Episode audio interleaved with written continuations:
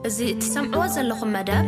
ብቋንቋ ትግርኛ ዝፍኖ ሬድዮ ኤስቢኤስ እዩ። ሰማዕትና ሰማዕቲ ሬድዮ ኤስቢኤስ ከምዚ ክንከታተሉ ዝወዓልና ትማሊ ቀዳም ኣብ እስራኤል ኣብ መንጎ ንመንግስቲ ኤርትራ ደገፍትን ከምኡውን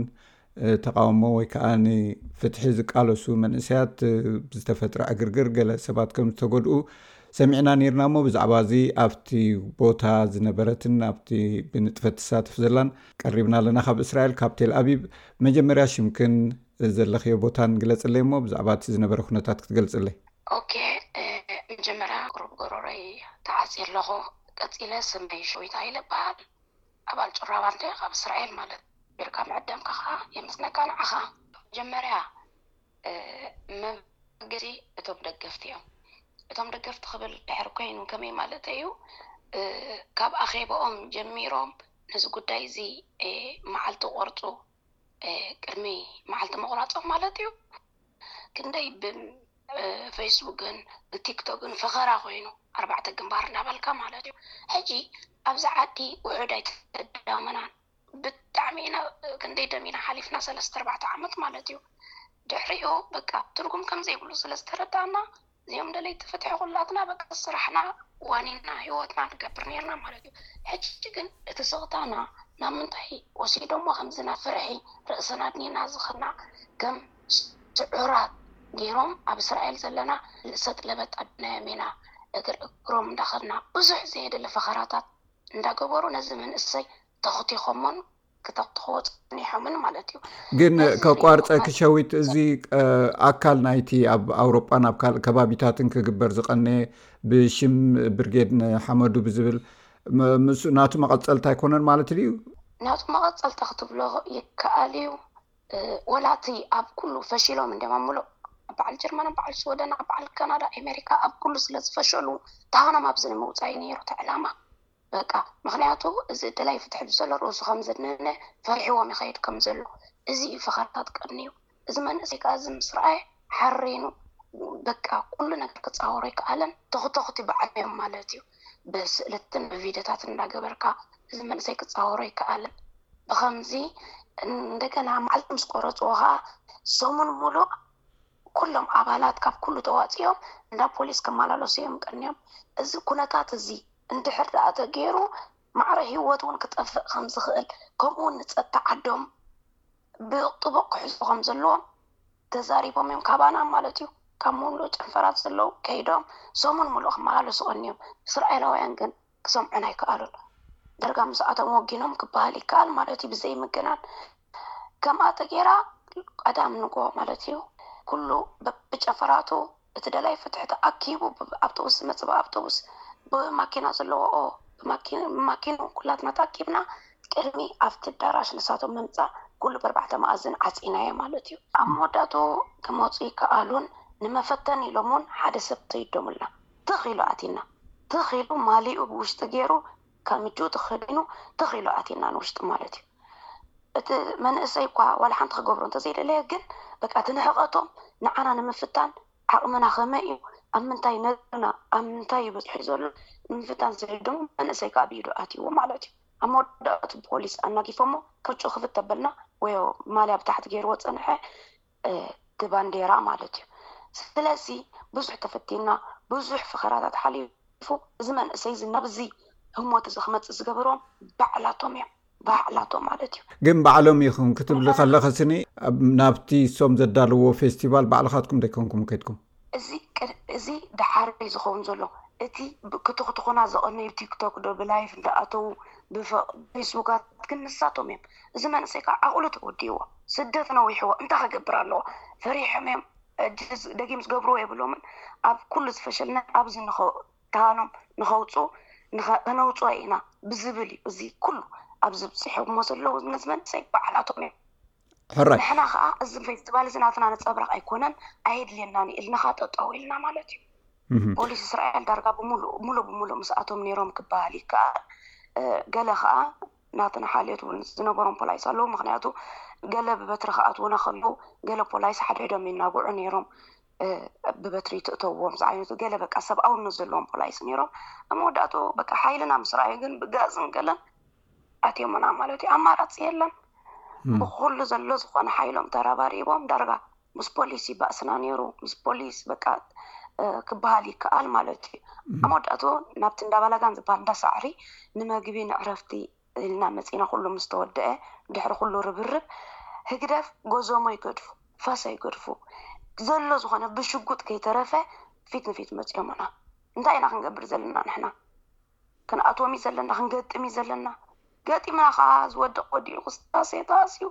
ብኡንብዑ ሕክምና ዝኸይድ ብኦምፕላንሳት ተጻዒኑ ሕክምና ከይዱ ዳግማይ ሓይሎም ሒዞም መጺኦም ከኣ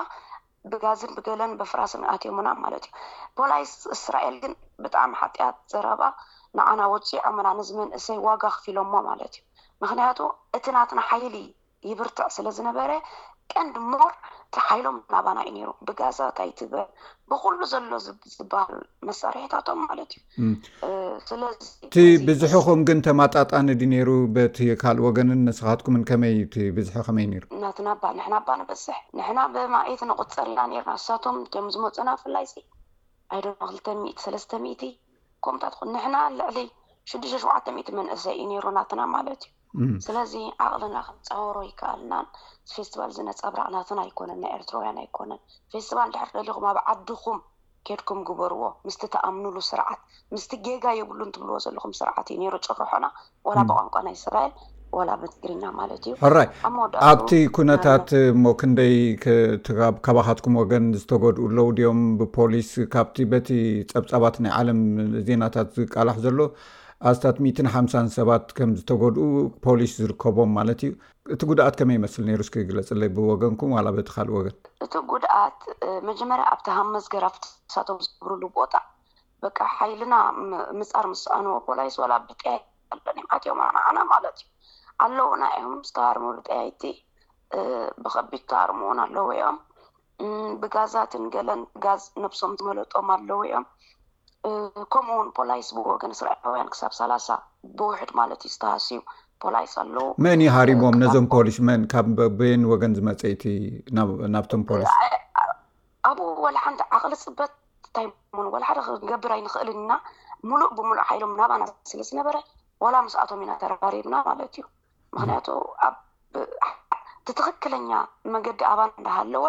ናቶም ደገፍ ኮይኖም ንዓና ኩሉ እቲ ሓይሎም ኣባና ከውርድዎ ኣይ ፍቃደኛታት ኣይነበርናን ማለት እዩ ከምኡ ውን ኣይተጸበናን እሶም ውን እዚ ሓይሊ ናትና ኣይተጸበይዎን ብጣዕሚ እዮም ብንዕቀት ሪኦምና ኔሮም ዝገብርዎ የብሎምን እዚኣቶም ኢሎም ኣብ መወዳእትኡ መንእሰይ ዓቅሉ ምጸበበ ግን ኣማራጺ የለን ወላ ምስ ፖሊስ ኣቲናዮ ሞላ ንተቆላይ ዝማልበት እዩ መወዳእታ ሽዑ እንታይ ኮይኑ ማለት እቶም ዝተጎድኡ ካባካትኩም ይኹን ካብ ፖሊስ እስኪ ክትፈልጥዮም ትኽእል ክንደይ ምዃኖም ገለ እጅ እኳ ዋላ ሓንቲ እዚ ክብለካ ይክእልኒ ግን ኣለውና ናትና ቁፅሮም ግን ክሳብ ሕጂ ሕክምና ከይዶም ዝበፅሕዎም ኣባላት ኣለው ከምኡውን ደም ምልጋስ ኣሎ ማለት እዩ ማህሰይቲ ግን ክሳብ ክንደይ ኣፀቢቆም ማለትስ ሂወቶም ክሳብ ምስኣን ዝበፅሑ ኣለዉ ድዮም ወይስ ተሓኪሞም ክወፁ ዝኽእሉ እዮም? ክሳብ ሕጂ የለን ኦፕረሽን ገለ ዝገበሩ ኣይሰኣኑን እዮም ብወገናትና ዋላ ብወገን ናይቲኦም ማለት እዩ ፀብፃብ ግን ብሕጂ እዩ ክሳብ ሕጂ ዋላ ሓደ ዝፈለጥናዮ ነገር የለን ግን ኣለውና እዮም ምስ ተጎድኡ ማለት እዩ ኣብ መወዳእታ ዕላማና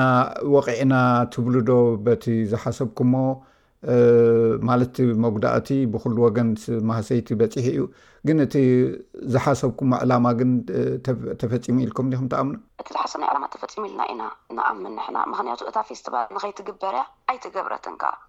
ሙሉእ ብሙሉእ ዋላ እቲ ናቶም እቲ ኣዳራሽ ኩሉ ዓንዩ እዩ ኣይገበርዎን ንሕና ሙሉእ ብሙሉእ ተዓዊትና ኢና ንሳ ኢና ከኣ ንደሊ ኔርና ካልእ ትረፍ በቃ ዓለማት ይፍለጣ ሽግርና ይፍለጥ ንሕና ሓተቲ ዑቁባ ምኳና ብፍላይ እስራኤል ከም እስራኤል ዓሰርተ ሓሙሽተ ዓመት ብውሑድ በቃ ንሕና ከም ስራሕ ደሊና ከም ዝመጻና ባኦም ንሳቶም ዝብልዎም ኣይተ ስራሕ ደሊና ከም ዝመጻና ጠሚና ከም ዝመጻና እዚ ጥራሕ ምስ ፈልጡ ናይ ዑቁባ መሰልና ኣይተራእየን ፋይልና ኣይተገንጸለን ክሳብ ሕጂ ብሕጂ ግን ተስፋ ኣሎ ክፈላልዩና በቲ ዜናታት ኩሉ ዝዛረቦ ዘሎ ኣብዚ ዓዲ ማለት እዩ ሕጂ ማለት መንግስቲ እስራኤል ብኸመይ ዝርድኦ ማለት ሲ ዕግርግር ፈጢርኩም ኣለኹም ኣብ ገሊእ ዜናታት እውን እቲ ፕራይም ሚኒስተር ሓደ ኮሚቴ ኣቑሙ ኣብዚ ዕግርግር ዝተሳተፉ ናብ ዓዶም ክስጎብ ወይ ካብቲ ሃገር ከውፅኦም ዝብል ዜናታት ኣሎ ሞ እዚ ንዓኻትኩም ይኹን ነቶም ካልኦት ወገን እውን ብማዕረ ኣይጎድኣናን ኢልኩም ትሓስቡ? ከምኡ እንተመጺኡኸ እንታይ እዩ እንታይ ትሓስቡ? እቲ መጉዳእቲ ዝመጽእ ብመንግስቲ እስራኤል ብፍላይ ዝመጽእ ንኹላትና ማዕረ እዩ። ካብቲ ሓደ ፈሊኻ ዝረኤ ኣሎ፣ ካብቲ ሓደ ፈሊኻ ዝረኤ የለን ግን ጥብቓት ጌርካ ክትካታዕ ተኽእሎ ኣሎ ማለት እዩ። እምበር እዚኦም ሕጎም ብርሳስ እዩ ሎሚ ዘውጽእዋ ሕጊ ጽባሕ ይቕይርዋ ዝግድሶም ዓዲ ኣይኮኑን። ሓፈሻዊ ክሳብ ሕጂ ግን ህዝቢ ብፍላይ እስራኤል ጋዜጠኛታት ዳርጋ ሙሉእ ብሙሉእ ናባና እዩ ምሳና እዩ ዘሎ ማለት እዩ ማሚ ምክንያቱ እዚኦም ሓተቲ ዕቁባ እምበር ጠምዮም ዝመፁ ወይ ሓሲብዎም ዝመፁ ይኮኑ ግን ትክክል ኣብ ዓዶም ምንባር ስለ ዝሰኣኑ እዮም መፅኦም ሰማንያ ፐርሰንት ኣንፃርቲ መንግስቲ እዮም ነይሮም እቶም ካልእ ስለምንታይ ፋይሎም ዘይግንፅ ስለምንታይ ከ ሃገሮም ፅቡቅ ኣንትሕራላ ንሃገሮም ዘይምለሱ ዝብል እዩ ዘሎ ክሳብ ሕጂ ነውፂ እዩ ዘሎ እሞ በዓል ማማ እንድሕር ናብ ዓድኹም ሰጒጎሞም እዚኦም ውዒሎም ሓዲሮም ዕግርግር ክፈጥሩልና እዮም ኣብዚ ዓዲ ሰላም ክኸልኡና እዮም ኢሎም ናብ ምስጓግ ተበፂሑ ነዚ ተዳሊኹምሉ ዲኹም ማለት ብስነ ኣእምሮኹን ብኩሉ ነገር ከምኡ እንተመፂስ እንታይ ማለት ከመይ ትቕበልዎ ሕጂ ብዚ ዓዲ እንታይ እዩ ንኣብነት ናብ ሳልሳይ ሃገራት ኣሰጋጉሩና ኢልካ ዕድል ኣሎ እዩ ነፍሪቃ ክትምለስ ንኤርትራ ጥራሕ ግድን ዘይኮነ ማለት እዩ ግን እቲ መጉዳእቲ ዝመጽእ ንኩላትና ማዕረ እዩ ብዘይ ኣፈላላይ ማለት እዩ ግን ደሓን እዩ ብጠበቃታት ክትካታዕ ስለ ትክእል ብዙሕ ኣለና ኣማራጺታት ማለት እዩ። ብኹሉ ክፍተን ይከኣል እዩ። ኣብዚ ግን ብዙሓት ኤርትራውያን ዝዛረቡሉ ዝካትዕሉ እዚሲ ኣብ ነንሕድሕድ ምቅትታል እዩ ዝመጽእ ዘሎ እዚሲ ካብዚ ዝረብሕ የለን ገሊኦም ደቂ ዓዲ ክኾኑ ይኽእሉ እዮም ገሊኦም ውን ኣሕዋት ክኾኑ ይኽእሉ እዮም ብብዙሕ ነገር ብዓቢኡ ድማ ካብ ሓደ ሃገር ዝመጹ እዮም ስለዚሲ ነቲ ስርዓት ውን ማለትሲ ዋላ ሓንቲ ኣይትረኻኽበሉን ኢኻ ነንሕድሕድካ ተዘይኮይኑ ዝብሉ ኣለዉ እሞ ነዚ ከመይ ትገልፅዮ? ኣነ ነዚ ክገልፆ እንተኾይነ ሓቂ ፀሓይ እቶም ከምኡ ዝብሉ ኣነ ለባም ለባም ምፅዋት ኮይኑ እዩ ዝስመዓኒ ከም ሸዊት ምኽንያቱ ንሓደ ዝረግፀካ ዘሎ ንሓደ ኣብ ዝባንካ ተሰቒሉ ዘድምየካ ዘሎ ስርዓት ሕቖ ኮንካ ጠጠው ክተብሎ ኣብዚ ፌስቲቫላት ክንደይ ኣሽሓት ገንዘባት እዩ ዝኸይድ እዚ ከ ናብ ምን ናብ ህዝብና ኣይኮነ ናብ ደቂ ስውኣት ሓገዝ ኣይኮነ ናብ ጽጉማት ኣይኮነ ናብ መን ድኣ ንዕኡ መጠጥዕ ነቲ በቃ መሰሰኒ እዩ ነቲ ስርዓት በቃ ከምዚ ሱር መስደድ እዩ እሱ ስለ ዝኾነ ከዓ ክሳብ ሕጂ ሰዓት ጠጠው ኢሉ ኣሎ በዞም ደገፍቲ ኣብ ሙሉእ ዓለም ዘለዎ ማለት እዩ ስለዚ እዚ ፌስቲቫል እዚ ንዓና ኣይውክለናን እዩ እዞም ኣሕዋት ብትክክል ባእሲ ክልተ ኣሕዋት ንማንም ባህ ኣይብሎን እዩ ንሕና ክንሃርሞም ባህ ይብለና ንሶም ውን ከምኡ ይመስለኒ ኣይፈልጥን በዚ ትማሊ ዝረኣክዎ ጭካነ እኳ